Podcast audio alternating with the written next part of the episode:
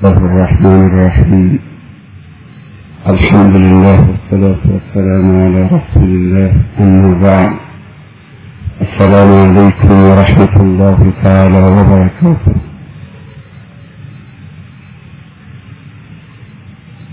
اول قبل از اینکه صحبت داشته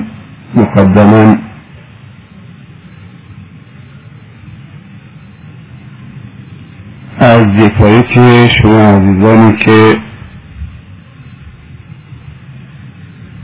از دور و نزدیک حرکت کردید و در این بقعه مبارکه که خداوند عزوجل از این جزیره مبارکه برای امشب انتخاب کرده حضور به هم رسوندید نهایت قدردانی و تشکر داریم. و اجر و پاداش شما به خداوند عزوجل واگذار می‌کنیم چون که خودش شما را دعوت کرده به اینجا به پای شما قدرت داده که حرکت بکنه. قبل از پا بر دل شما حب حضور در این مجلس خدایی ایمانی خیر. قرار داده و اون شوق قلبی و میل قلبی نسبت به خدا نسبت به ایمان نسبت به آخرتتون شما را به حرکت در آورده و در این جمع مبارک قرار داده. پس خداوند عزوجل به همه ما و شما جزای خیر بده.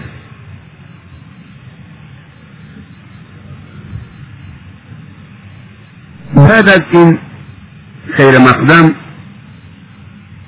به برادرمون سعود که حقیقتا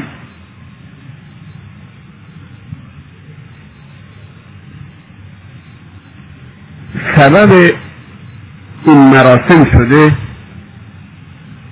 و نخواستن که تن به ذلت بدن و خدایی نکرده مراسمی غیر از این مراسم برگزار بکنن در صورتی که می‌تونست در توانشان بود. با تبریک گفت. به این داماد عزیز به خانواده محترم و همچنین به خانواده محترم عروس و به کل وابستگان دو طرف و از خداوند عزوجل مخلصانه می طلبیم که در این ازدواج شرعی که امشب صورت گرفته و در این جمع مبارکی که امشب برای رضای الله و برای خرد کردن کمر شیطان و برای سیلی زدن به ابلیس و شیاطین و شیطان ها در اینجا جمع شدن انشاءالله خیر و برکت بندازه و خیر و برکت امشب انشاءالله یار و یاور شما در باقی مانده عمر شما باشه. و به این عروس و دامادی که امشب نصف دینشون رو کامل می‌کنن دعا بکنیم که خداوند عزوجل اولاد و ذریه صالح و مصلح عالم دانشمند و مفید برای پدر و مادر و برای خدا و رسول خدا و برای دین مبین اسلام الله تعالی و برای این جزیره مبارکی الله از این دو تا جوان که در امشب مثل دینشون کامل کردن به دنیا بیان و بتونن الله خلعی از این خلعهایی که ایجاد شده پر بکنن. و خدمتگزار دین مبین اسلام بشن انشاءالله. عزیزان من در دلها خیلی زیاده. قبل از اینکه مطلب اصلی رو شروع بکنیم اینو متذکر بشم که نه شما و نه من. هیچ کدوم از ما به خاطر عروسی نیامدیم اینجا. عروسی بهانه است. دو طرف ما هم من و هم شما دنبال همدیگه میگردیم. تشنه همدیگه هستیم. هر جایی که خداوند عزوجل دوست داره اینجا ما رو به هم میرسانه. من یکی به خاطر عروسی نیامدم. من آمدم انجام وظیفه بکنم. اون چیزی که برگردن من به شما برسونم. سببش این داماد شده این جوان شده. اما هدف ما عروسی نیست. رک پوسکنده بگم. هدف شما فکر نمی کنم عروسی باشه. پلو و ولیمه عروسی باشه. اون جای خودش. اگر آمدیم تبریکم بگیم و داماد و اون دو تا خانواده بازم یک انگیزه دینی بوده یک حرکت دینی بوده که داخل کردن سرور و بهجت و شادی بر قلب یک مسلمان از طرف برادر مسلمانش بازم یکی از مبادع اخلاقی و ایمانی اسلام انسان مسلمان کسی در شادی برادرش سهیم باشه. با شادی برادرش و همدینیش و هم مسلکش شاد باشه. ابراز بکنه که منم شادم. تو امشب شادی خوشحالی نه با گناه بلکه با حلال. نه با زنا بلکه با نکاح. النکاح سنتی فمن رغب عن سنتی فلیس منی. نکاح سنت منه راه و روش منه. کسی که از این سنت من روگردان بشه از من نیست از امت من نیست. این دو تا جوان امشب سنت رسول الله صلی الله علیه و سلم و عملی ساختن. در حدیث وارد شده که کسی که ازدواج شرعی بکنه و نکاح شرعی بکنه نصف دینش رو کامل کرده فلیتق الله فی النصف آخر پس بترسه در نصف دومی. ما امشب جمع شدیم که به این دوتا عزیزمون و نور چشممون و سرورمون و حتی حساب بکنیم که با همدیگه تعهد کردن و قول دادن که آغاز زندگیشون با این مراسم اسلامی شروع بشه تا خیر و برکت در زندگیشون بیاد و در آیندهشون بیاد و خدا و رسول خدا و مؤمنین و تمامی مخلوقات ازشون راضی باشن و دعای خیرشون بکنن. ما آمدیم که به این دو نفری که سنت رسول الله صلی الله علیه و سلم را امشب عملی کردن و یک عروسی و یک مراسم و یک شادی حلال و اسلامی و خدایی برگزار کردن و جلوگیری از میلیون ها قطرات مشروب و خمر ام الخبائث کردن و جلوگیری از اسراف و چاخوکشی و مطربین و مخنثین کردن و نهایتا هم خدا و هم رسول خدا و هم مؤمنین از خودشون راضی کردن ما آمدیم به اونها تبریک بگیم. داماد باورش نمیشه که این جمع آمده. الان داره با دو تا چشم سرش می‌بینه. الان باور بکن ما اولی که وارد جزیره شدیم تو قایق بودیم می‌دیدیم یک تجمعی کنار ساحل هست. گفتیم حتما عروسیه. از که می‌خواستیم در بشیم دیدیم که بله ساز دجال جلو افتاده یه عده هم پشت سرشن. گفتیم خدایا در جزیره مبارکه. اگر اون هست این هم هست سر به سر میره. اگر همه یه طرف لنچ بنشینن لنچ غرق میشه. ولی یه عده هم اون طرفن. عزیزان من شما در رابطه با دوبی هستی.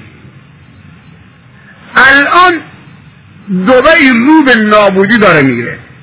خصوصا دوبی از وقتی که پای روسی ها و زنهای روسی به دوبی باز شده واقعا الویل الویل.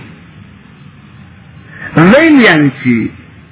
ویل اسم دره در جهنمه. علیه بالله. من نرفتم که ببینم اما دوستان خبرهای دلخراش ناراحت کننده. زن اوریانه تو خیابون داره میگرده. آیا در زمان رسول الله صلی الله علیه و سلم کسی جرأت داشت که چنین لباس های بپوشه در کوچه های مدینه قدم بزنه. در زمان ابوبکر چی؟ در زمان عمر چی؟ در زمان ذنورین چی؟ در زمان حیدر کرار شیر و شمشیر خدا چی؟ اون هم دولت اسلام بودن. این هم دولت اسلامن. لباس زن از پایین به بالا هرچی کوتاهتر. از بالا به پایین هم هرچی کوتاهتر. کجا در کشورهای اسلامی دارن قدم می‌زنن؟ ولی تنها چیزی که دوبی و نگه داشته تا به حال مساجد دوبیه جوانایی مثل شما که دارن گردن می‌کشن برای شنیدن صحبت های دینی. اگر یه عدی تو خیابون این کار دارن می‌کنن اما با گفتن اذان و با بلند شدن اذان محمدی مساجد پره خیابون ها پره اون عده که دارن عیش و نوش می‌کنن می‌زنن میرقصن مطلقی رو دعوت می‌کنن مخنثی رو دعوت می‌کنن از فلان جاز اون طرف آب این طرف آب. که امشب هم برنامه دارن. اونا فکر نکنن که خدا غافله. فکر نکنن که چیزشون نمیشه. اونا خبر از این همه جمع ندارن. سر به سر داره میره. سنت خداوندیه. یه روزی حضرت عیسی علیه السلام از کوچه رد می‌شد.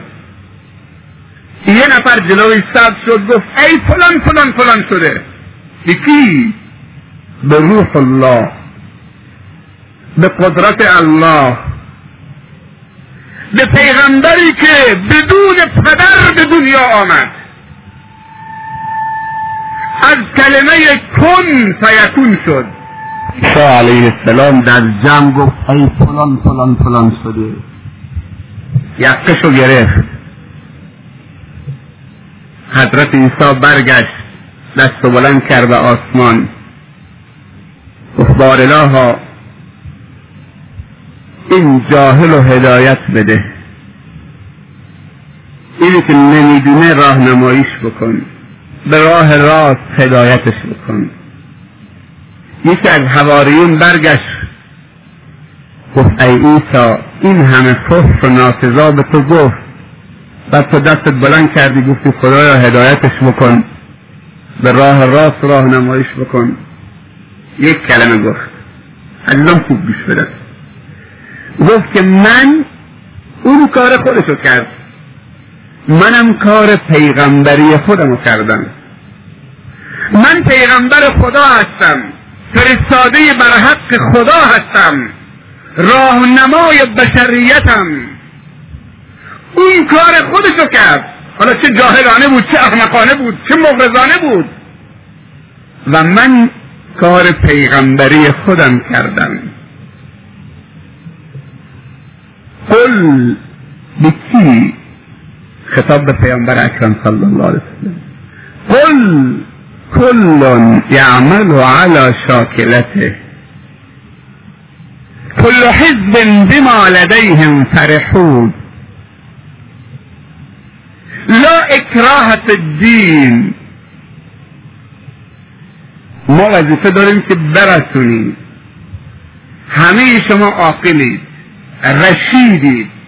قدرت تمییز و تشخیص دارید. اسلام با شمشیر وارد نمیشه. نمی‌خواد کسی با شمشیر مسلمان بشه. مسلمان شمشیری به درد نمی‌خوره. این مسلمان شمشیری مثل چه میمونه؟ مثل اون پسر بچه ای که به من تعریف کردن.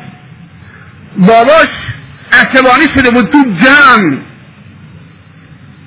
به بچه هشت ساله ده ساله اش توهین کرده بود. بیا بریم به مسجد. احمق بیشور. خب این اسلام با شمشیره این نماز با شمشیره. بچه چه تعریف کرده بود بعد؟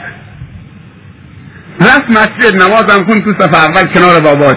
از مسجد که بیرون آمد تو مجلس دوستانش نشسته بود. بعد گفت دیدی کلا گذاشتم سر بابام؟ چطوری گفت بابا منو دعوا کرد در جمع به من توهین کرد. منم رفتم دستشویی تهارت نکردم گوزام نگرفتم نماز بیروزو خوندم. بابا رو گول دادم. چه اخلاقی درست کرد تو بچهش.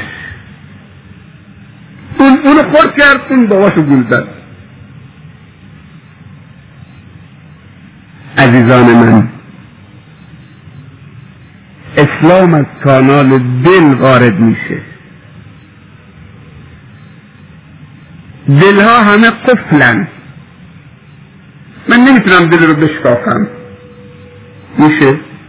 نه که من بالاتر از من. حتی رسول الله صلی الله علیه وسلم انك لا تهدی من احببت ولكن الله يهدي من يشاء کلید این قفله محبته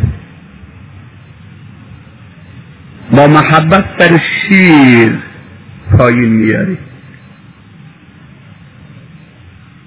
عزیزان مثال می‌زنم. خوب گوش بگیرید دوستتون دارم. خیلی دوستتون دارم. همونطوری که شما کعبه رو دوست دارید کعبه خانه خدا در مکه. تشنه هستید. شوق دیدار کعبه رو دارید. با که ندیدیم کعبه کعبه کعبه. همون اندازه من شما رو دوست دارم.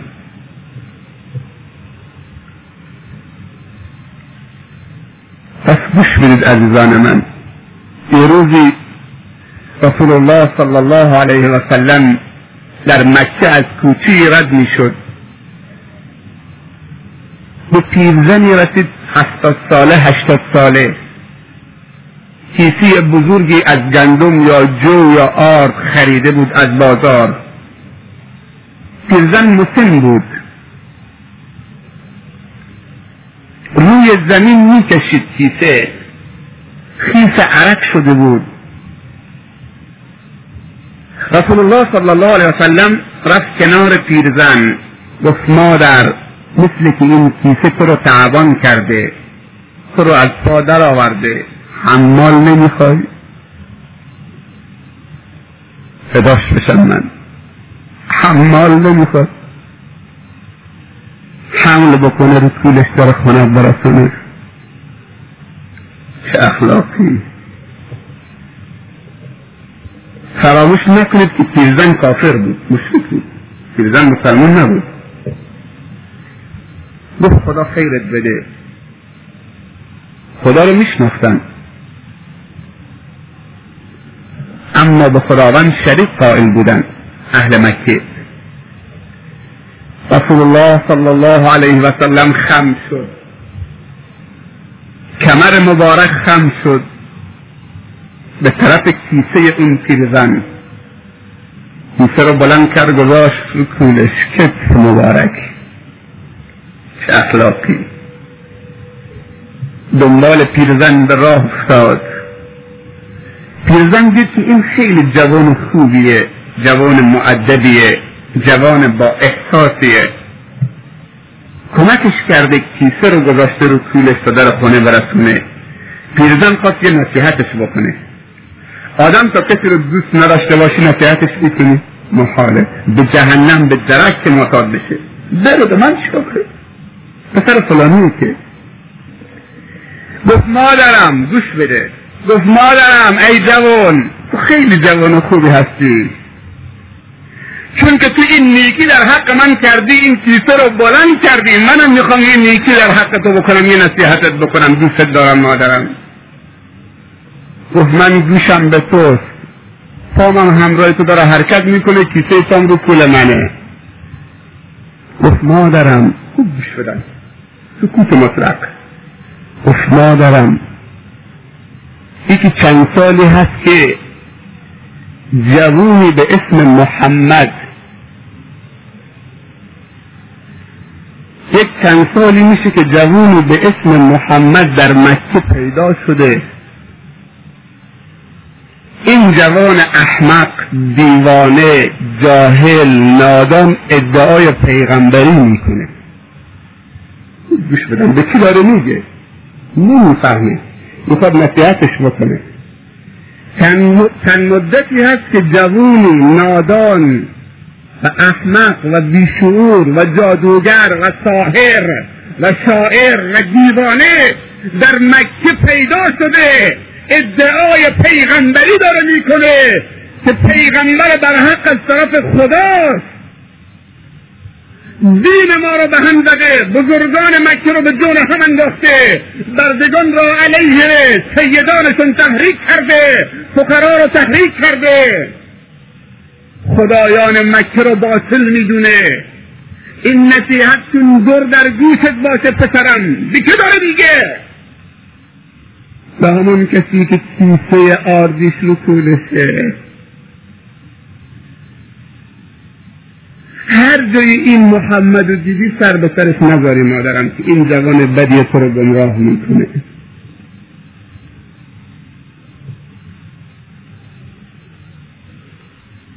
بالا کسی دیگه است چطوری سبب می‌کنه؟ خوب که نصیحت کرد و دلسوزی کرد. اون جوان در خانه رسید. رسول الله صلی الله علیه و سلم کیسه آردی را از طولش سایه میگذاشت تو خانه پیرزن گفت مادرم من همون جوان محمدم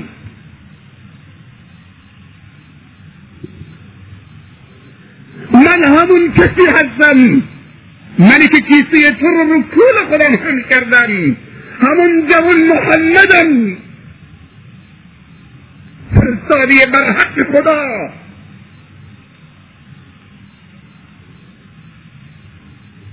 چقدر ناسزا گفت؟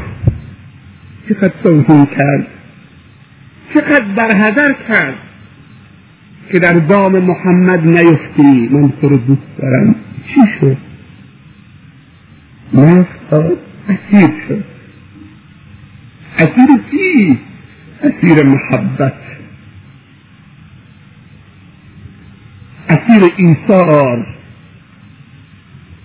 اسیر خدمتگزاری اسیر دلسوزی.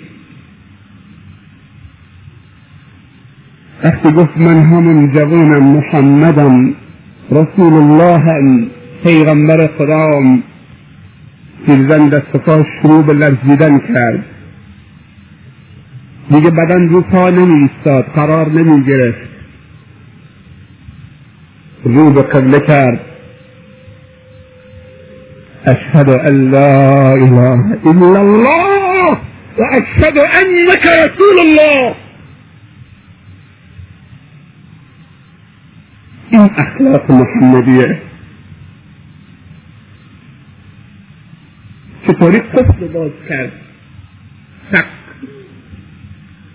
في طريق دل عوض کرد چطوری مغز رو عوض کرد؟ چطوری زبون رو عوض کرد؟ زبانی که این همه راه خوش و گفته بود یک دفعه عوض میشه. کلمه طیبه توحید و شهادتین بر زبان جاری می‌کنه که پاکتر و بالاتر از اون کلمه نه در زمین و نه در آسمان نه در دنیا و نه در آخرت وجود نداره. لا اله الا الله. محمد رسول الله صلی الله علیه و سلم عزیزان من اگر هر نفر از شما پنج نفر بیاره تو این جمع ها مشکل جزیره تمامی پنج نفر زیاده. هر کدوم از شما تصمیم بگیره یک نفر بیاره. فرصت هست. امشب خبرتون نشده. فردا شب جمعه هم در خدمت شما هستیم. خدا عروسی دیگه در الله. دعوت کردن به من واگذار شده. من دیشب در کرگون بودم طرف بلوچا اونجا بعد از سخنرانی دعوت عموم کردم برای عروسی الله. از شما دعوت میشه فردا شب جمعه. برای نماز مغرب اصلا برید اینجا. از قافله عقب نمونی. داره میره تو می‌تونی خورشید رو نگه بداری؟ محاله. تو به خورشید بگو بی نیسته اون باید حرکت بکنه وظیفه رو انجام بده. قافله دین محمد مصطفی صلی الله علیه و سلم داره حرکت می‌کنه.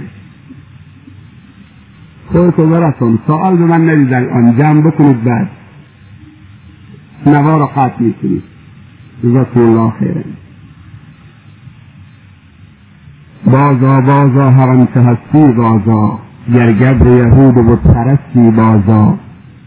این درگه ما درگه نومیدی نیست. صد بار اگر توبه شکستی بازا. اگر بیایی در بازه. اگر نیایی خدا بینیازه در بازه. هر وقت میل کردی بیا. هر وقت تصمیم گرفتی بیا. صبر داری. هر وقت جای آغوش بازه. اگر لایق بدونی آغوش من یکی بازه. مشروب خورده بذار بیاد. توبه می‌خواد بکنه. سیگار کشیده بذار بیاد توبه می‌خواد بکنه اگر منم آغوشم ببندم بالا بازه. احتیاج به من تو نداری چشم به بالا بکن این کلمه رو بگو. الله خدایا بس هر شرمندگی و ذلت کشیدم بس من می‌خوام توبه بکنم. نگاه بکن چطوری تو رو بلند می‌کنه. از پستی به بلندی. عزیزان من؟ چند حدیث عجیب و غریب است. که لازم بشنوید اینجا جمع جمع محبت. جمع جمع صفاست در حدیث وارد شده که المتحابون بجلالی علی منابر من نور.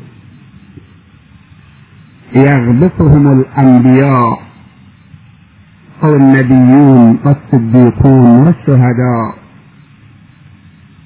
اون دو نفری که به خاطر من با همدیگه محبوب شدن همدیگه رو دوست داشتن روز قیامت بر منبرهایی از نور قرار داده میشن. حتی نبیین و صدیقین و شهدا و صالحین غرسه می‌خورن. این دو نفر دیگه که هستن. عزیزان من آیا شما دوست ندارید که شما را روز قیامت بر منبرهایی از نور خداوندی قرار بدن؟ یا دوست دارید که بر منبرهای از آتش از آتش خشم و غضب الله قرار بدن؟ عزیزان من محبت رو درست بکنید من می‌دونم که شما چقدر همدیگر رو اینجا دوست دارید. دلها پر از محبته آیا کسی پاشو می‌کشه؟ به برادرش میگه بیا بچست برون طرفتر بشین تو فقیری. نه. اینجا مثل صف مسجد شده. همه تسبیدن این نتیجه اینه که دل به دل تسبیده عزیزان تا همدیگر رو دوست نداشته باشیم پیشرفت نمی کنیم تا خاطر همدیگه نخواهیم پیشرفت نمی کنیم تا دلسوز هم دیگه نباشیم پیشرفت نمی کنیم تا بعد از دشمنی دوستی نکنیم پیشرفت نمی کنیم تا بعد از تفرقه متحد نشیم پیشرفت نمی کنیم تا بعد از معصیت توبه نکنیم و طاعت نکنیم پیشرفت نمی کنیم یا الله آستین بزن بالا عزیزم. دشمنان اسلام در کاخ کرملین در کاخ سفید در انگلیس در اسرائیل. برای من تو نقشی می‌کشند آستین بزن بالا. آستین چی؟ آستین جد. کمر همت ببند. شب به جای این که بلند میشید رو دستشوی قضای حاجت بکنی بعد بخوابید. تصمیم بگیر که برای نماز شب بلند میشید تو که بلند شدی چرا دو رقب سنت تهجد نخونی؟ سرنوشت سازه. کاخهای کفر رو به هم میکوبه. حدیث دیگه اذا مررتم به ریاض الجنت فرتعوا قالوا وما ریاض الجنت یا رسول الله؟ قال حلق الذکر. اگر عبورتون افتاد گذرتون افتاد به باغهای از باغهای جنت در روی زمین درست بشرید خودتون سیر بکنید. سوال کردن یا رسول الله صلی الله علیه وسلم باغهای جنت دیگه چیه روی زمین آیا روی زمین باغی از باغهای جنت هم وجود داره؟ فرمودن خلق الذکر. حلقه های ذکر. مجالسی که یاد خدا میشه وقتی در اون مجالس رفتید درست بکرید درست خودتون رو سیر بکنید از اون مجلس بیرون نرید تا سیر نشدید عزیزان من امسال نزدیک شش ماه بارندگی شد پی در پی بارندگی بی آزار آیا شما خوشحال نیستی؟ آیا باران رحمت خدا نیست؟ آیا برکه های آب پر نشد؟ آیا چهار پایان شما سیر نشدن؟ آیا زمین خشک جزیره دوباره چه؟ خیس نشد دوباره علف بیرون نداد چشم شما روشن بشه شما دیدی گاو و گوسفند و شطور چهار پایان وقتی سرشو پایین میاره تو علف ها و سبزی ها که بکره چطوری سرشو بلند نمی‌کنه پس عزیزان من شما هم هر جایی که رسیدی شیطان گولتون نزنه بلندتون بکنه از تو خسته شدم میرم. نه خسته نشدی. باید بچری باید خودتو سیر بکنی. باید پوشی بگیری. باید تهیه بکنی. احتیاج داری. عزیزان هدف از ازدواج یک افته دو سلامتی خودت و مجتمع از انحلال خلقی و اخلاقیه. سه آرامش و سکونت. چهار اولاد صالح تربیت کردن و نسل امت محمد صلی الله علیه من به اون ستا کارم کار دارم. مصداق حدیث الرجل ولود الودود فإني مکاثر بكم الامم یوم القیامه هنگامی که می‌خوای انتخاب همسر بکنی خیلی از جوانها اینجا که هنوز متعهل نشدن. مد نظرتون باشه. خانوادی رو در نظر بگیرن که دو صفت داشته باشه. یک با مودت باشه دو زیاد زنهاشون بچه دار بشه. چون که من افتخار می‌کنم به تعداد زیاد امت من روز قیامت.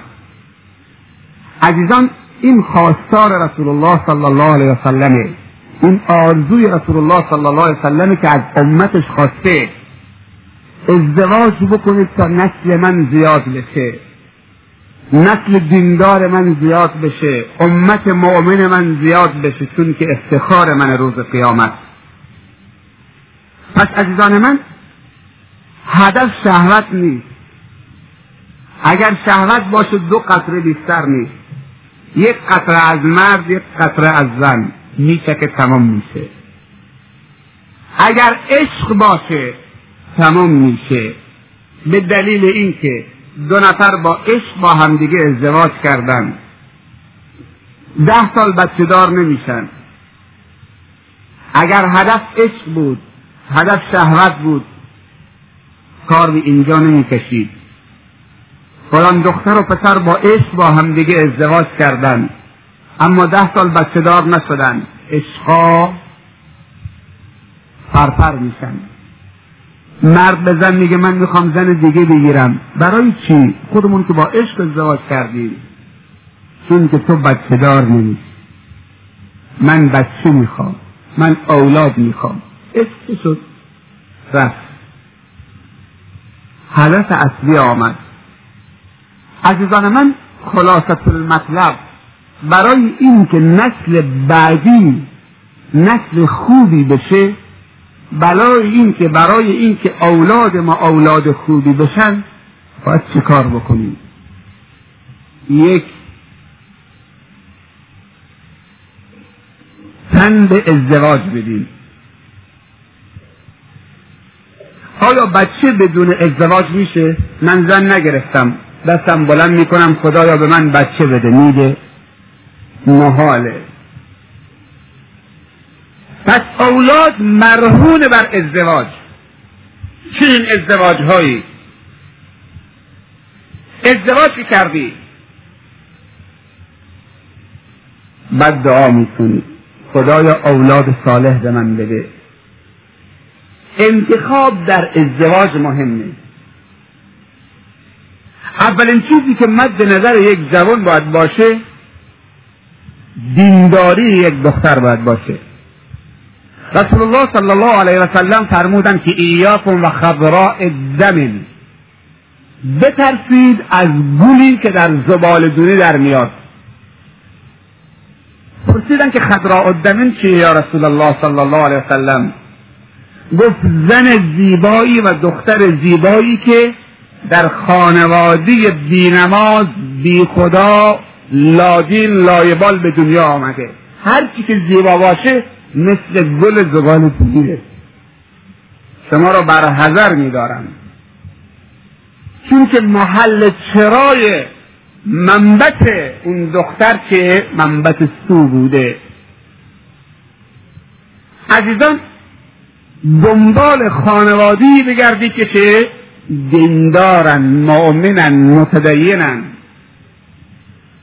دختر سر عروسی در نانوایی تو بازار تو کوچه انتخاب نکن برای خودت.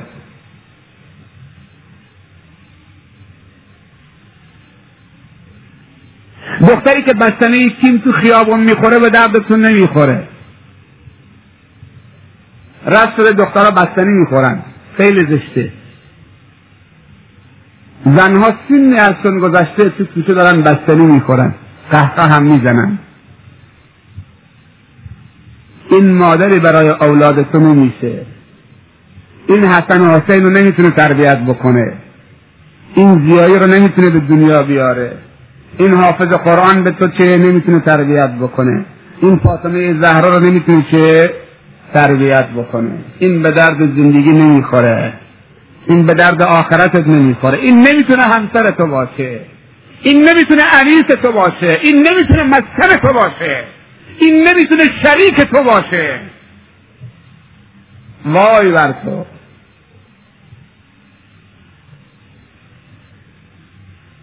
ذات دین. یه جوونی از سوال شد. تو عاشق چی این دختر شدی که می‌خوای باش ازدواج بکنی؟ این دختر که نه دین داره نه اخلاق داره نه علم داره. هیچی نداره. چی داره؟ چیزی نداره. این چیزهایی که باید داشته باشه نداره. تو عاشق چی شدید جوانا خوب گوش بدن. در جواب این پسر خام و نپخته گفت من عاشق موی طلایی شدم. یک جوان مسلمان عاشق مو میشه. دین کجاست؟ دین چه کار است؟ اخلاق چه کار است؟ عفت چه کار است؟ خانواده چه کار است؟ حشمت شرم چه کار است. این چه کاره؟ این مسکین غافله که فردا این دختر کچل میشه. عاشق موش شده. خداوندم با همون موی طلایی شکنجرش میده. کچل میشه. شپش می‌زنه. خوره می‌زنه. عزیزان فکر آب فکر نان بکن که خربزه آبه. فکر اساسی بکن. مال انسان به چهار قسمت میشه. خوب گوش بدن. یک اون چیزی که می‌خوری مال تو نیست. نهایتا می‌دونی که چی میشه و همون جایی که چه براش درست کردی تو خونت میره.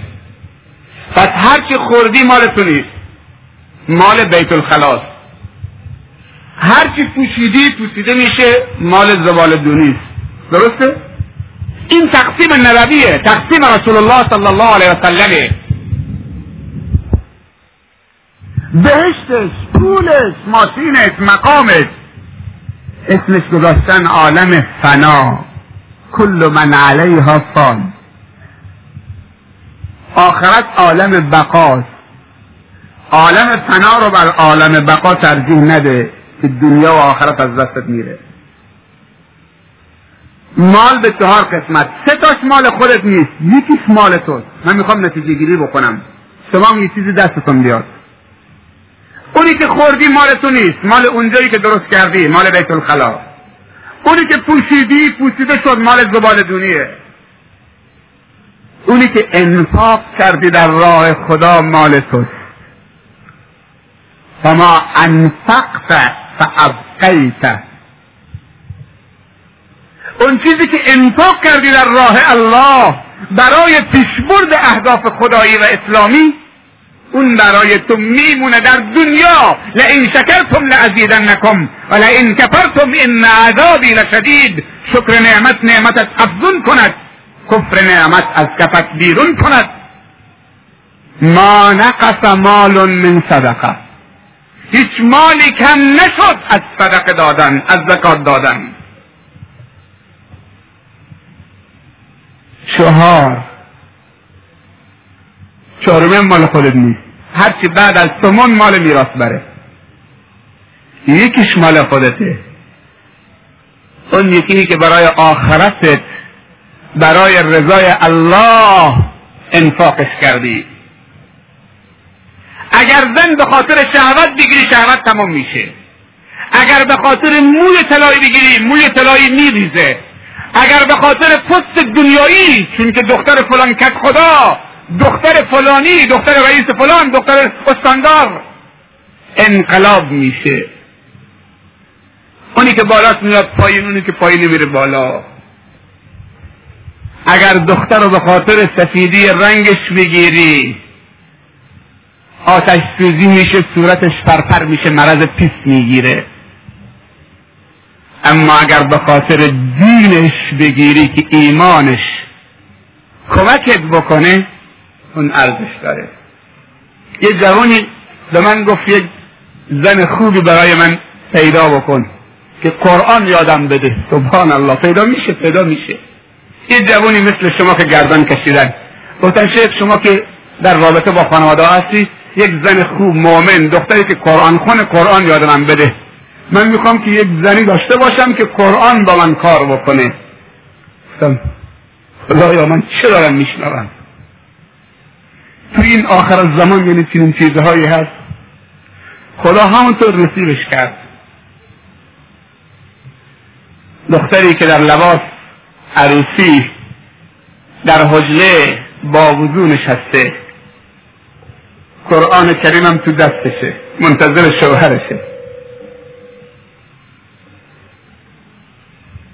بعد از یک ماه ازدواج به ما خبر دادن که بیای که ختم قرآن دعای ختم قرآن شما رو دعوت کردن. گفتم کی ختم کرده؟ گفتن همون جوان کجا ختم کرده پیش همسرش زنش؟ گفت این پنج تومن هم برای صندوق خیریه. همون جوان سبحان الله. ما در مدینه منوره هستیم. نه ما در آستان هرمزگانیم. چی میشه؟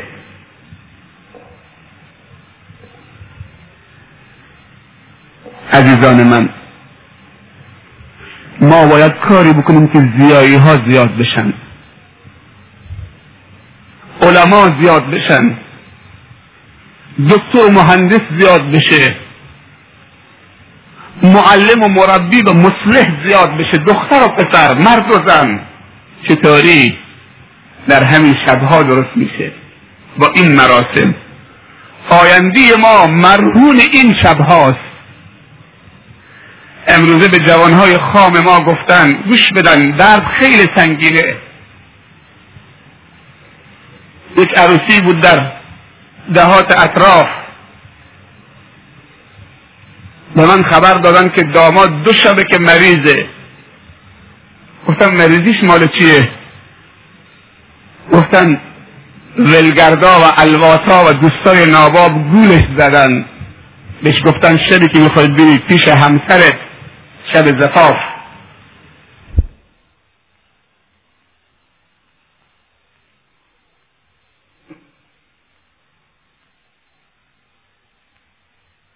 برو مست بکن خمر بخور مشروب بخور.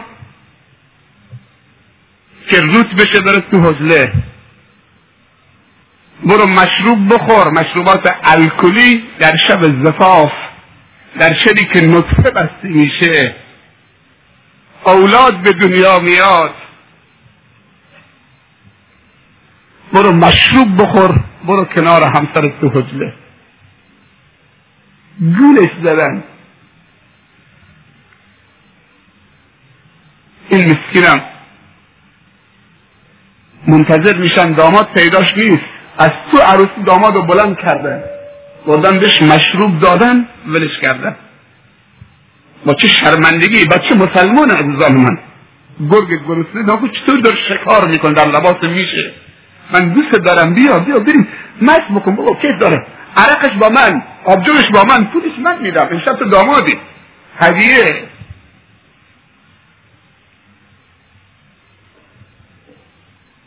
چطوری نعمت رو سمپاشی می‌کنن نقمت می‌کنن؟ بعد من خبر دارن که خبر دارن که دو روزی که مریضه. بعد از مدتی دیدمش دستش دراز کرد دستمو کشیدم. گفتم برو برو برو پیشی تو که سر به سر ما نگذاشتی سر به سر ابلیس ها گذاشتی شیطان ها برو برو کیفت بکن برو عرقت بنوش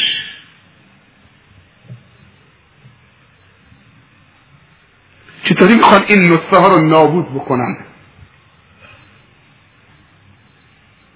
بچه به دنیا میاد خماره مسته اصلا اون نطفی که بچه درست شده اون خون پر از خمر بوده.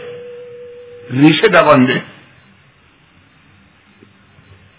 تلویزیون نگاه می‌کردم. آینه افراد نشون می‌داد. درباره معتادین. یک بچه 15 ساله باش مصاحبه می‌کردن. بهش گفتن که فرزندم تو از کی معتاد شدی؟ سرش انداخت پایین. سرش بالا آورد تو تلویزیون گفت که فرزندم می‌خوام بدونم که تو از کی معتاد شدی خودتو معرفی بکن به دوستان بگو به بینندگان اعلام بکن که از کی دچار این در شدی. این نوجوان پونزده ساله با چشمی پر از عشق گفت من در شکم مادرم معتاد شدم و معتاد به دنیا آمدم. چون که مادر من معتاد بود. مادر معتاده. بچه تقصیر نداره. اگر نطفه سیگاری باشه نطفه مشروبی باشه نطفه تریاکی باشه نطفه بینماز باشه نطفه بی وضو باشه نطفه بی خدا باشه.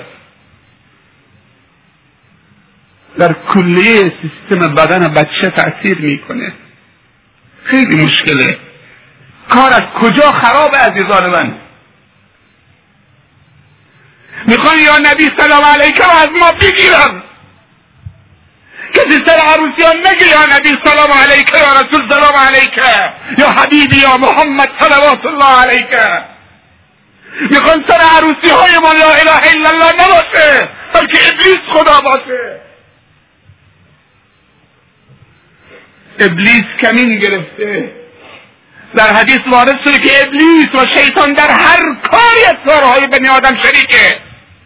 در غذا خوردنش لباس پوشیدنش خوابیدنش در همبستر شدنش. شیطان رو دور بکنیم ابلیس رو دور بکنیم خصوصا از این شبها. از ازدواجمون اگر بچه ها رو دوست داری. اگر آینده بچه ها رو دوست داری اگر دلت میسوزه برای امت محمد صلی الله علیه و سلم رسول الله صلی الله علیه و سلم منتظره که دو تا جوان از امتش عروسی بکنن بچه خوب تربیت بکنن؟ روحش در قبرش آزرده می‌کنی. شیخ بزرگوارمون شیخ محمد رحیمی چه گفت؟ این مراسم امروز ننگ شده. صد بار به من گفتن بابا عروسی عروسی که جای گریه نیست جای سخنرانی نیست جای قرآن خوندن نیست. پس عروسی جای چیه؟ به من بگو. تو بر بگرد به تاریخ صدر اسلام. نگاه عروسی چطور بود؟ شراب میخوردن؟ ساز می‌زدن؟ اود می‌زدن زن و مرد میرختید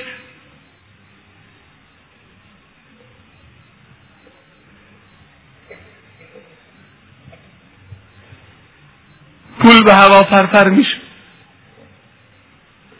هفتصد تا هزاری چند تا میشه؟ هفتاد هزار تومن. با سر سوزن سوراخ کردن تو تناب بر گردن ساز نامبارک لطفی. مخنس دعوت می‌کنن سر عروسی. هزاری رو لوله می‌کنن اینطوری. دو تا لنگ داره دو طرفش به کمرش بسته. پرویز بیا هزاری نشونش میده. پرویز بیا هزاری. میاد سرشو خم می‌کنه خودشو خم می‌کنه.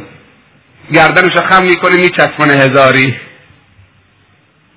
همسایش نان شب نداره.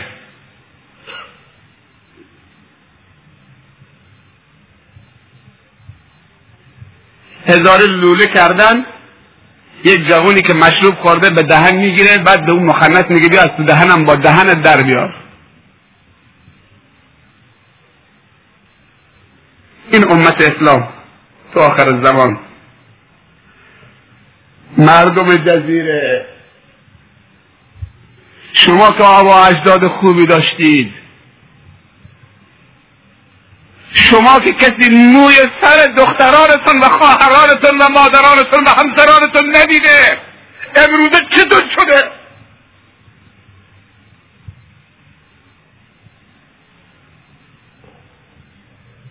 جواب خدا چی داریم؟ چرا اجازه میدیم که رسمهای غیر اسلامی وارد شهر ما بشه؟ وارد جزیره ما بشه؟ وارد منطقه ما بشه. مگر ما نداریم چیز اسلامی؟ کاش که مشکل مشکل چیز دیگه بود. دین ما دارن ریشش میسوزونن. پولای ما دارن پرپر می‌کنن. ما رو لب پرتگاه بردن.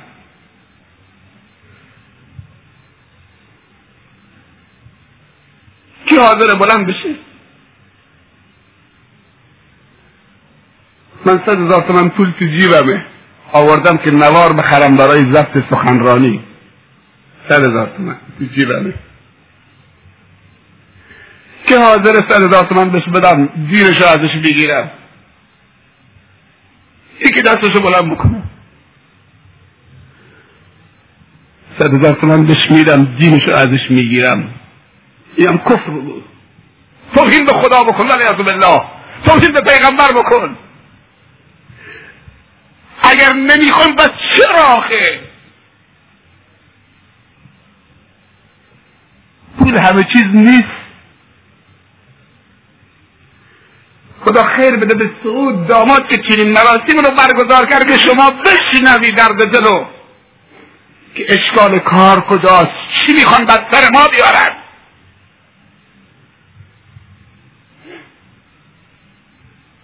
همه چی ول می‌کنی. وقتی دیویس هزار تومن به آدم بدن. لا اله الا الله تو دلش در بیاره. خود چیه اخیه کاش که دیویس هزار تومن میمون با قبرش تو قبرش هم دفن می‌شد. ولی نمیشه. روزی مدینه در قحطی بود. اطراف مدینه گرد و غبار و طوفان برپا شد. ام المؤمنین آشی صدیقه مادر همه مؤمنین رضی الله تعالی عنها و ارضاها. بنت صدیق رضی الله تعالی عنه صاحب رسول الله در غار و در هجرت و خلیفه اول بر حق مسلمین. یکی رو فرستاد گفت برو نگاه بکن اون طوفان مال چیه؟ اون گرد و غبار و گردباد مال چیه؟ نه که طوفان میاد مدینه رو بکنه. دوید و رفت برگشت گفت مادر هفتصد تا شطور قافله تجارت عبدالرحمن بن عوف از شام داره میاد. آزوقه مواد غذایی باره. خوشحال شد. گفت الحمدلله. گفت برو سریع عبدالرحمن ابن عوف و بطلب بیاد اینجا. عبدالرحمن دوید آمد پیش چه؟ ام المؤمنین عایشه صدیقه. گفت چه خبر مادر؟ گفت این قافله هفتصد تا شطور مال توست. گفت بله.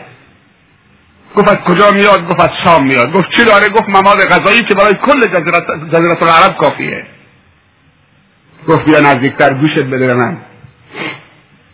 گفت من یه روزی در حیات رسول الله صلی الله علیه و سلم از رسول الله صلی الله علیه و سلم شنیدم که گفتن عبدالرحمن ابن عوف يدخل الجنة حبوا. عبدالرحمن ابن عوف وارد بهش میشه در حالی که چهار دست و پا. روی دستش و پاش راه میره. مثل بچه کوچیکی تازه می‌خواد راه رفتن یاد بگیره. چطوری با تو دستش و پاش و زانوش راه میره؟ گفت مادر تو این حدیث و از پیامبر اکرم صلی الله علیه وسلم شنیدی؟ گفت به خدایی که جان من در قبضه دستمون شنیدم در حق تو. ام المؤمنین رو رها کرد. دوید رفت بیرون از شهر که قافله رو چیه؟ نگذاره که وارد شهر بشه. همونجا. وقتی رفت که کل تجار مدینه همه بیرونن. به استقبال قافله که قافله رو بخرن. بیرون از شهر اونجا که رسید گفت قافله توقف. یکی یکی از تاجرها آمدن. تاجر گفت که عبدالرحمن یک تومن ده تومن. حاضری؟ همینجا نر هر هفت تا. گفت بیشتر به من دادن. دومی آمد گفت یک تومن بیست تومن. نف یک تومن بیست تومن بگیر سود. نه گفت بیشتر به من دادن. تاجر سومی گفت یک تومن سی تومن. تاجر بعدی گفت یک تومن پنجاه تومن. بعدی گفت یک تومن صد تومن. گفت بیشتر دادن. نهایتا کل تجار با هم دیگه جمع شدن گفتن یک تومن دویست تومن. بسته گفت بیشتر به من دادن. عجیبه. تجار به هم دیگه نگاه کردن گفتن که ای عبدالرحمن هیچ تاجری در مدینه غیر از ما وجود نداره که یک تومن دویست تومن بیشتر بده. چرا دروغ میگی؟ گفت یک تومن دویست تومن بیشتر به من دادن. یک تومن دویست تومن بیشتر می‌خریم مال شما. وگرنه کسی دیگه من داده. گفت کی داده؟ گفت الله یک تومن هفتاد تومن داده. حاضرید بدید گفتن ما نمی‌تونیم. الله یک تومن هفتاد تومن. از خودت میگی نه از خود الله میگن. مثل الذين ينفقون اموالهم في سبيل الله كمثل حبة انبتت سبع سنابل في كل سنبلة مئة حبة. والله يضاعف لمن يشاء. مثال کسی که یک تومن در راه خدا میده مثل دانه گندم است که میکاری. اون یک دانه گندم بیرون میاد سبز میشه. هفت سنبل می‌زنه هر سنبلی صد تا دانه توشه یک دانه هفت سنبل هر سنبل هفت تا. چه؟ هر سنبولی هفتاد تا توشه. سبحان الله ببخشید هر سنبولی صد تا توشه. هر سنبول هر سنبولی صد تا. هفتاد تا. بعد همونجا قبل از اینکه وارد مدینه شد به قافله گفت ای مردم ای تجار ای خدا گواه باش هر هفتت با شطور در راه تو. با زوقش با زمامش با تناب سرش. همه در راه تو برای فقرا و مساکین کل جزیره العرب توضیح بشه مجانا من می‌خوام که بدوم دوان دوان وارد بهش بشم. از قافل عقب نمونم. امروز بزرگترین تاجر تو بازار میری در خانه در مغازش یک صد تومن بده ده تومن بده برای یک مسجدی من ندارم. پس تو کی داری؟ ضرر کردم. پس تو کی پولدار میشی؟ تو که میگی من شب یک میلیون تومن در نیارم خواب نمیرم. آرام نمی‌گیرم. پس تو کی آرام می‌گیری؟ پس پولا کجاست؟ پس پولا برای چیه؟ عزیزان من حواستون جمع بکنید. ماشین دو کابین نعمته. خدا بیشتر بهتون بده. مغازه نعمته. چیز عجیبی شنیدم. گفتن یه مغازه اجارش سالانه پنج میلیون تومنه. مغازه ای که دومت در دومت باشه تو بازار. کرایهش گفتم سبحان الله کسی برش نیاد. این درده چشمک داره می‌زنه. تو اسیر خودش نکنه. یه قصه برش می‌کشم تا بدونی که پول یعنی چه حرس یعنی چه طمع یعنی چی. پولی بده که تو رو از خدا دور بکنه. اگر پول عبدالرحمن ابن عوف باشه خود به خدا نزدیکش کرد. کل مسلمین سیر شدن. کل فقرا و مساکین دعای خیرش کردن. پول خوبه که زکاتش در بکنی. پول خوبه که به درد مجتمع بخوره. پول خوبه که جوانو بزن بدی. پول خوبه که چه؟ در راه رضای الله جوانو بفرستی دانشگاه. آیا تو جزیره جوان با رضای الله جوانو بفرستی دانشگاه. آیا تو جزیره جوان با استعداد نیست. خیلی هست. چرا نمی‌تونن درس بخونن؟ استعداد ندارن. پول ندارن. پول کجا صرف میشه؟ تاجر نیست. بله جای دیگه صرف میشه.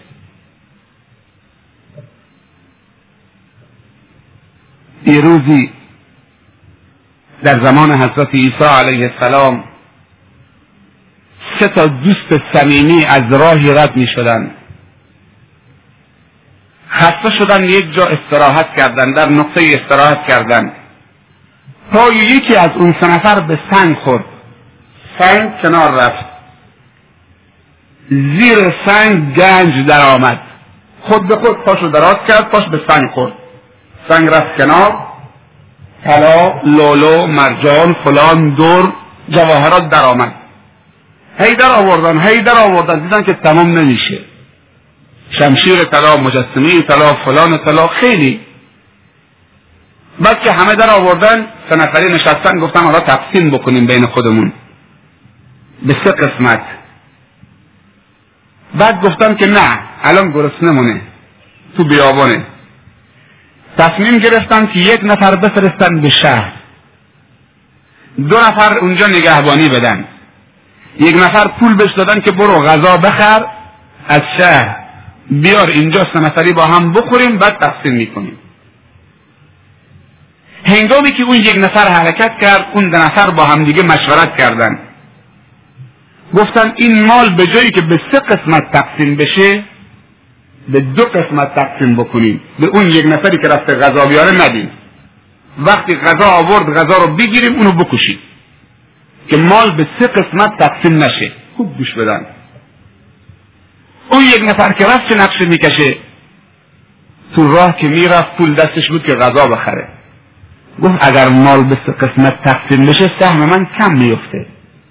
به سه قسمت میشه. چرا به یک قسمت نباشه که مال من باشه همه؟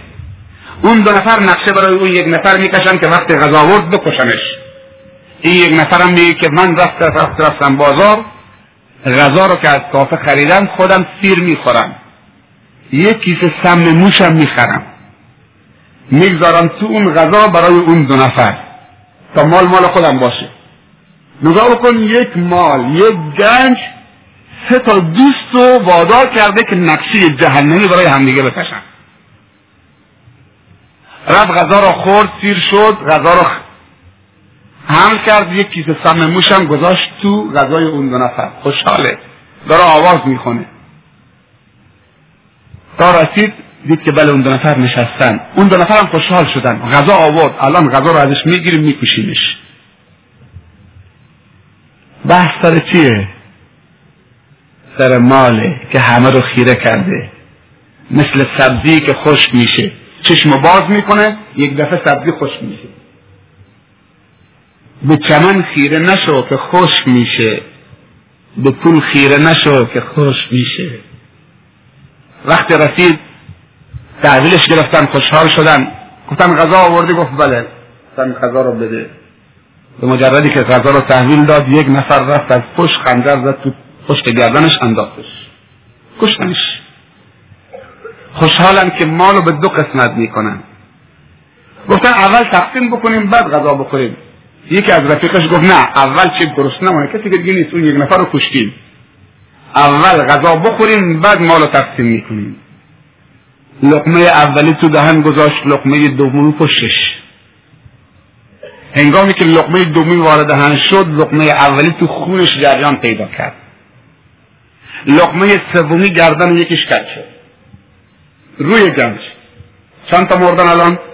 دو تا. اون اولی رو که کشتن این دومی هم سم خورد سومی خوشحال شد. گفت مال همه مال خودمه این یکم مرد که خود به خود مرد از خوشحالی سکته کرد. لقمه چهارمی سومی هم گردن نهاد کنار اون. گنج چی شد سر جاش؟ تکن نخورد. این سه نفر سم اونها رو نکشت. قبول داری؟ سم آدم نمی‌کشه.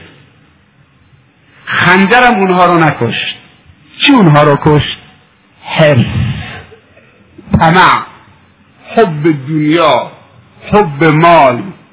هیچ چیزی چشم و دل بنی آدم پر نمی‌کنه مگر خاک الحد. عزیزان دینتون از دست نره. من آمدم به خاطر شما سروران من. اگر اجازه بدید پاهای شما را ببوسم. دستتون ببوسم. من نیامدم پلو بخورم. به خدا قسم به خاطر پلو نیامدم. من به خاطر شما آمدم. به خاطر آینده جوانه شما آمدم. به خاطر که یک توبه دست جمعی بکنیم استغفر الله همه با هم آمدم. دستاتون رو بذارید تو این دست دوستتون که دشمن شما نیست. قول بدین که انشاءالله اگر بد کردیم توبه بکنیم. اگر بد نکردیم خوب بودیم خوبتر بشیم خوبترین بشیم. تصمیم بگیریم. هر جایی به ما گفتن عروسی غیر اسلامی کل این جمعیت نره اونجا حاضر بشه. خود به خود افت می‌کنه. جلوشو بگیریم. این خبر خوش به من دادن اینجا تو درگاهان گفتن ارکست نمیاد. خیلی نادر و کم پیش میاد که اینجا چه ارکست بیاد. اگر این خبر صادق باشه واقعا نعمتی عزیزان من. هرچی ما می‌کشیم هر بدبختی سر همین عروسی ها. اگر اصرافه اگر چشکرانیه اگر دختر بازیه اگر دید زدن به دخت مردم و زن مردم و ناموس مردمه اگر شرابه اگر بینمازیه اگر سرخاب و ماتیکه اگر رقصیدنه اگر لباس خوسیه اگر عطر و آدکلونه در رمچا هم که بازم عروسی غیر اسلامی قلقنه. این افتخارم که نصیب درگاهان شده اولین مراسم اسلامی به این سبک در درگاهان پیاده بشه. رمچان نوبتش رو زده. لاف نوبتش رو زده. توریان نوبتش رو زده. کوشه نوبتش رو زده. این پنجمین عروسی به این سبکه یکیشم فردا شب در لاف همه تون بیاید هر نفر پنج نفر با خودش بیاره. هر نفر انشاءالله تصمیم بگیره که پنج نفر بیاره کمر دشمن خورد میشه. خنجر عزیزان من. ابلیس هم دا خودشو به خاک میماله. زور این مردم نمیشه. یه جوکی میگن. میگن یک مسیحی کشیش می‌خواست یک برادر ترک مسلمانو مسیحی بکنه. اونو گول زد بردش اون طرف اون طرف. قانعش کرد که مسیحیش بکنه. گفت حالا چطوری مسیحی بشم؟ گفت بیا تو کلیسا. اون ترک برد تو کلیسا. شما همه ایمان دارید. ایمان در دلتون هست اما شیطان با وقت ما رو گول می‌زنه. این پا میلغزه. اگر لغزید دیگه لنگ لنگ باید راه بری. خوبه که آدم لنگ لنگ راه بره. بلنگه یا درست راه بره عزیزان من. برادر ترک و برد تو کلیسا. چراغا رو خاموش کرد. مسیحی ها جمع شدن. کشیش گفت که هرچی من گفتم تو بگو. کشیش گفت من 99 بار صد بار میگم یا عیسی مسیح یا عیسی مسیح یا عیسی مسیح تام بگو یا عیسی مسیح یا عیسی مسیح تکرار بکن. چراغا خاموش کردن تو کلیسا شروع کرده برادر ترک مسلمان.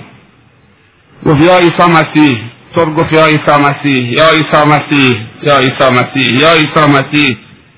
99 بار گفت یا عیسی مسیح.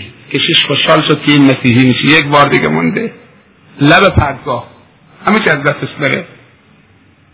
بعد کشیش از خوشحالی گفت چراغا رو روشن بکنی. یک بار دیگه مونده اونم تو روشنایی می‌خوام دیگه. 99 بار گفته کارش تمامه. بار صدم می‌خوام تو روشنایی دیگه. یک دفعه چراغ روشن کردن که مسیحی ها همه خوشحال بشن و بار صدم تو روشنایی دیگه. اونطور که مسلمان تا چراغ روشن کرد گفت اللهم صل علی محمد و آل محمد. همه چی برباد داد. شوتش کردن بیرون. 99 بار این همه مسیحی جمع شدن این همه زنگ زدیم. 99 بار گفتی یا عیسی مسیح.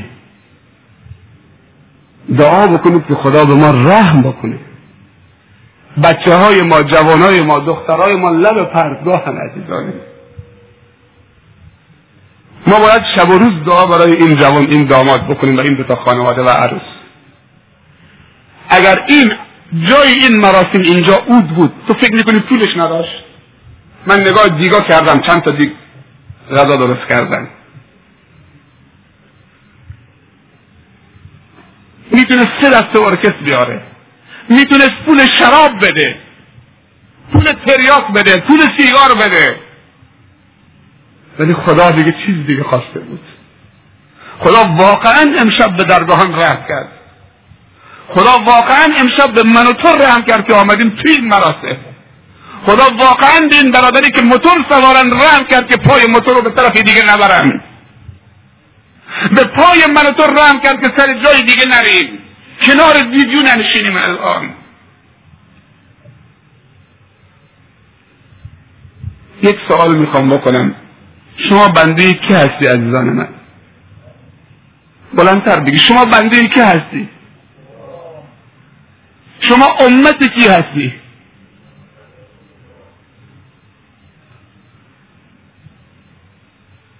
من نمی‌خوام به همه بگم دروغ میگی. به خودم بگم دروغ میگی.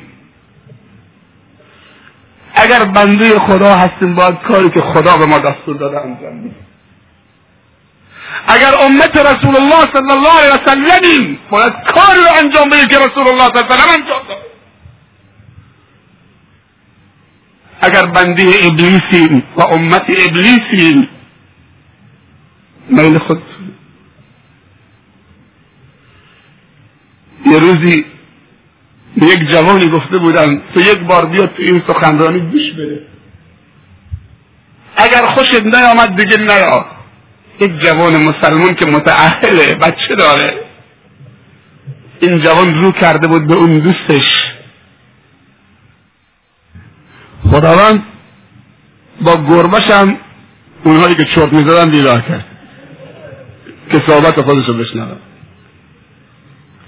بله عزیزان من یکی از جوانان آمد که گفت من به یکی از دوستان گفتم که تو یک جلسه بیا تو سخنرانی گوش بده اگر خوشت نیامد دیگه نیا. اینو در جواب چه گفته؟ خوب گوش بدن. چطوری میترسه؟ اینجا که ترس نیست. در جواب اون دوستش گفته من میترسم که یک جلسه بیام تو این مراسم دیگه نتونم خلاف بکنم. دیگه نتونم گناه بکنم. دیگه نتونم شراب بخورم. من میترسم که بیام تو این مراسم توبه بکنم. دیگه خلاف نکنم. من می‌خوام این نتیجه بگیرم. جوانم عزیزم خواهر و برادرم.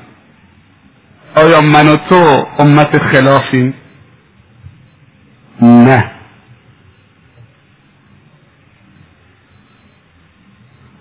دشمنان اسلام سه سیاست جهنمی رو در مسلمان ها پیاده می‌کنن. این سه سیاست رو بشنوید بعد خدا حافظ یک سیاست یک قدم به عقب به خاطر ده قدم یا دو قدم به جلو. این چیه؟ استعمار امپریالیسم اسرائیل انگلیس مادر استعمار جدید سه سیاست جهنمی در مسلمان ها پیاده می‌کنند. جوانا با سوادا خوب گوش بدن. ریش بلند به درد نمی‌خوره. ریشش یک متر هیچی نمی‌فهمه. حالیش نیست. امامه یک تاق پارچه به درد نمی‌خوره. لباس بلند عربی هم وقتی هیچی توش نباشه به درد نمی‌خوره. باید این سیاست رو بفهمیم. یک قدم به عقب به خاطر دو قدم به جلو. چطوری؟ مسلمان تو افغانستان مریض میشه. آمریکا دکتر میفرسته.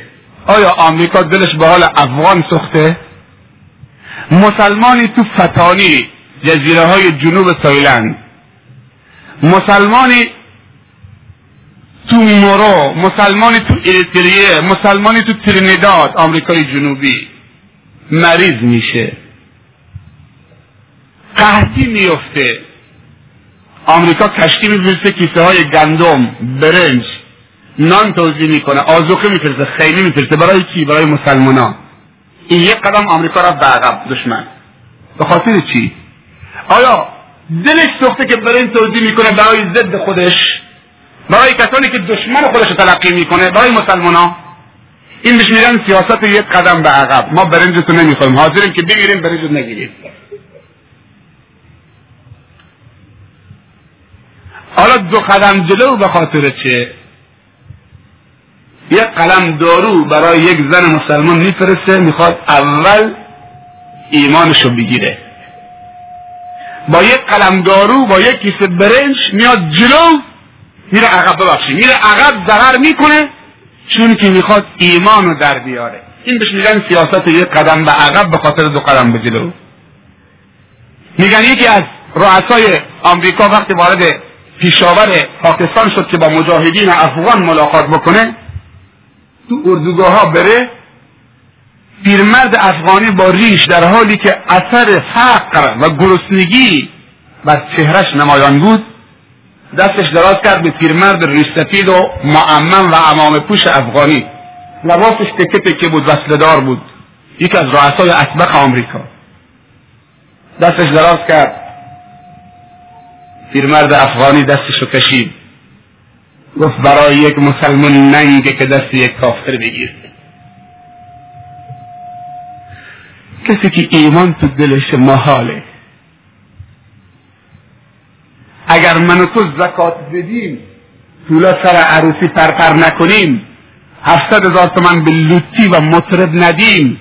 یک میلیون تومن تو کمر یک مخنث نریزیم. شراب نخورند اصراف نکنیم. چند نفر اینجا هستن؟ هزار نفر میشن دست کم. هزار تا هزار تومن چقدر میشه؟ یک میلیون تومن. نفر هزار تومن بدیم یک میلیون تومن همینجا جمع پول چند ترم دانشگاه جوانا میشه؟ هر ترم میشه هزار تومن. پول ده تا جوان میشه. ده ترم در دانشگاه همینجا ثبت نام بکنه. پول ترمش از همین جلسه. هزار تومن کمر من خورد نمی‌کنه کمر تو هم خورد نیست در ماه سی روزه روز سی تومن میفته روز سی و سه تومن. تو نگاه بکن. روز سی تومن. ببخشید. روز سی تومن بله. روز سی تومن ما خرج نمی کنیم اگر ما این کار بکنیم تو دهن سیاست یک قدم به عقب به خاطر دو قدم به جلو زدیم. میگن یه دکتری آمده تو افغانستان یک زن مسلمان سردرد داشته. یک زن مجاهد. رفته پیش دکتر گفته چته گفته سردرد دارم. بعد قرص ضد حاملگی بهش میده. گوش بدید اون دکتر خبیثه دشمن ماست. آمده قرص ضد حاملگی به زن مجاهد افغانی داده که مجاهد به دوپیا نیاره. یک مجاهد پیر خورده تو پاش بردنش بیمارستان انگلیسی گفته باید پاش قد بشه. در که یک پیر نمی‌خواد پاش قد بشه.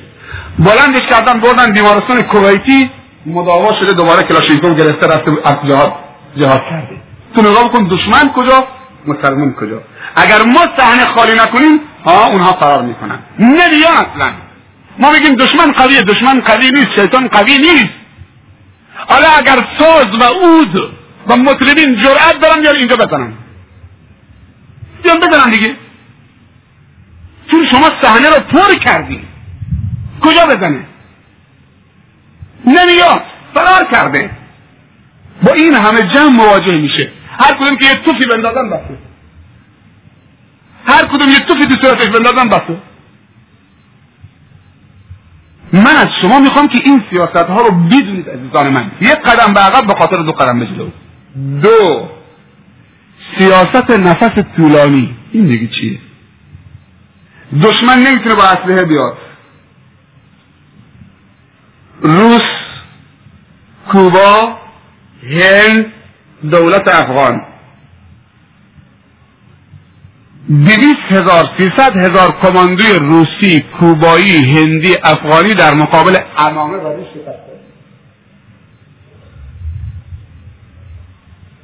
دیدن که نمیشه مقابل این افغانی ها با اسلحه. اون با سنگ با اسلحه اون با عصا اون با اسلحه. خداوند کار مارشون کرد. میگن تعریف می‌کنن وقتی جنرال ها می‌خواستن عقب نشینی بکنن توپتان بره بیرون. افغانی ها تعریف می‌کردن پیرمردای پیر دست خالی. با امام بچه های کوچک زنها دو طرف جاده جنرال روسی دو طرف سلام داده بود برای همین پیرمردا. که اونها رو به زانو در آوردن. دو طرف با دو دستش. روس به این طرف این طرف نمی‌کرد. دیدن که نمیشه با افغانی ها بجنگیم چطور کردن؟ آمدن پنجاه هزار کودک افغانی از سن پنج سال تا پونزده سال دزدیدن رو بودن. تو هواپیما سوار کردن بردن کرملین اونجا سیاست نفس طولانی روشون کار بکنن. یعنی بعد از سی سال کار کردن روی این بچه ها و عقلشون و شستشوی مغزی سی سال نفس طولانی دیگه زیرشون رو خالی می‌کنن خودشون رو میفرستن تو افغانستان. میارن در رأس حکومت حکومت لادینی و کمونیستی. دیگه چیه؟ مثال دیگه. نوار ویدیو. خدا بکنه که تو خونه های شما نوار ویدیو زش نباشه. انشاءالله که نیک. اگر بود اینجا نمی آمدید یک مادر هفتاد ساله در جمعی نشسته بوده. میگه من هیچ کوتاهی در حق دختر و پسرم نکردم. در حق اولادم نکردم. یکی از خواهرها سوال می‌کنه معنیش چیه تو کوتاهی نکردی؟ میگه من هر چی دخترم خواسته براش خریدم. اول براش ویدیو خریدم. نوار ویدیو هر نواری خواسته خریدم. نوار هندی نوار شیش نوار ترکی. نوار شیش می‌دونی؟ رقم شیش انگلیسی. ترجمه به فارسی کردم. نوار شیش. لباس خوسی. آزادش کردم. کلید با صندوق کلید ماشین هر کجا میره. طلا از اینجا تا اینجا. دمپایی دوازده هزار تومن. آرایشگاه میره موی سرشو میش می‌زنه حال میده پنج هزار تومن دخترم هیچ کوتاهی در حقش نکردن این صحبت یک مادر مسلمان هفتاد ساله است کوتاهی نکرده. اسمی از نماز نیست از روزه نیست از هجاب نیست از تقوا نیست از قرآن نیست از خدا نیست. از دین نیست. و میگه کوتاهی نکردم. دومین مادر چی میگه؟ گوش بدن. شما نظر روزه شنیده بودید؟ فلانی نظر گرفته که روزه بگیره. نظر نظر گرفتن. فلانی نظر گرفته که صدقه بده. فلانی نظر گرفته که حج بره. فلانی نظر گرفته که نماز بخونه. عزیزان نظر ساز شنیده بودی؟ مادر شست ساله هفتاد ساله نظر گرفته. بچهش بزرگ بشه پسرش شکار بکنه سوار شطورش بکنه دامادش بکنه. سوار شطورش بکنه پاشم حنا بده. آیا حنا برای مرده؟ حنا جز زینت زنه. نز گرفته که بچهش بزرگ بشه دامادش بکنه ساز بیاره لوتی و دستمال بازی بکنه و حنا با پایش پسر جوانش بده و سوار شطورش بکنه. این نظر چه؟ یک مادر مسلمان در آخر زمان ای داد دیدار اگر پدر و مادری بچی رو حافظ قرآن بکنن دو تا تاج در انتظارشونه. یکی سر مادرش یکی سر پسرش. سر خودش پدرش. روز قیامت. اما به پسرش دیگه الله عالم چی میده یک حافظ قرآن در هفتاد نفر از خانواده خودش می‌تونه شفاعت بکنه. روز قیامت. یالا عزیزان حافظ قرآن می‌خوام نه سازدن. یه سوال چه دوستانه از شما می‌کنم. خودمونی. اگر به ما تو سرو بگن که به به برید درگاهان هزار تا جوان معتاد داره. افتخار آقای عقیلی افتخار جوان درگاهان؟ ننگه اگر بگن هزار تا معتاد داره هزار تا دختر رقاصه داره افتخار سر شما بلند میشه تو مجتمع؟ هزار تا سازن و مطرب داره. اما اگر بگن جزیره درگاهان یک زیایی داره. افتخار یا نیست؟ یک دکتر داره از خود درگاهانی ها یکی کجا؟ هزار تا کجا؟ پس عزیزان من ما دکتر و مهندس و عالم می‌خوایم. ماما می‌خوایم پزشک می‌خوایم دختر و پسر باید برن درس بکنن با سواد بشن بیان تربیت بکنن. آگاه بشن دیندار بشن. من شاید ماهی دو ماهی شش ماهی یک بار بیام جزیره. شیخ محمد استاد من نشسته. درست تواضع کرده ولی اون استاد منه. دو سه سال قبل از من از دانشگاه مدینه فارغ تحصیل شده. من خیلی چیزها از این شیخ بزرگوار یاد گرفتم. کنار شیخ عقیل عبدالرحمن عقیلی نشسته کنار شیخ عیسی خودتون شیخ یعقوب شیخ عبدالرحیم شیخ محمد شریف. ما چقدر عالم داریم. من گم شده شما نیستم. عزیزان من به خود بیایید قدر این نعمت ها رو بتونید با هم دیگه اختلاف نکنید سیاست اول یک قدم به عقب به خاطر دو قدم به جلو. سالانه آمریکا 60 بیلیون دلار خرج سیگار می‌کنه. سالانه 8 میلیارد نخ سیگار تولید میشه. روزانه ببخشید روزانه. برای هر نفر جمعیت دنیا نفس دنیا دو نخ سیگار اگر یکی نمی‌کشه یک نفر دو پاکت می‌کشه.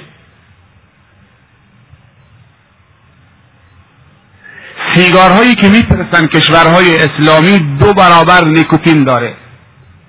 من تو تلویزیون نگاه می‌کردم از زن من دو قطر نیکوتین روی کمر موش انداختن تو شیشی که هوا نباشه.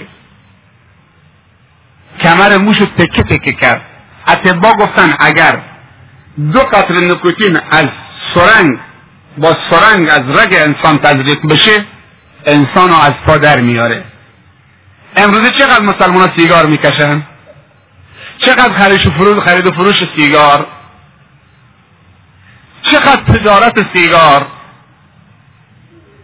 این صحبت نکن خیلی خوب نیست. بعضی بدشون میاد. چون کار می‌کنن. درآمد داره. عزیزان من ما وظیفه داریم که بگیم. این سوال جوانا مطرح کردن قبل از سخنرانی. سیگار فروختن بدتر به مراتب از سیگار کشیدن. خودکشیه. سلول های منایی بدنت از کار میفته نابودت می‌کنه. علاوه بر این که مجتمع رو فلج می‌کنه فقیر می‌کنه. این هم یکی دیگه از سیاست های نفس طولانی. دیگه شراب. دیگه جهل. سه چیز اگر در جوان پیدا بشه اونو نابود می‌کنه. یک بیکاری.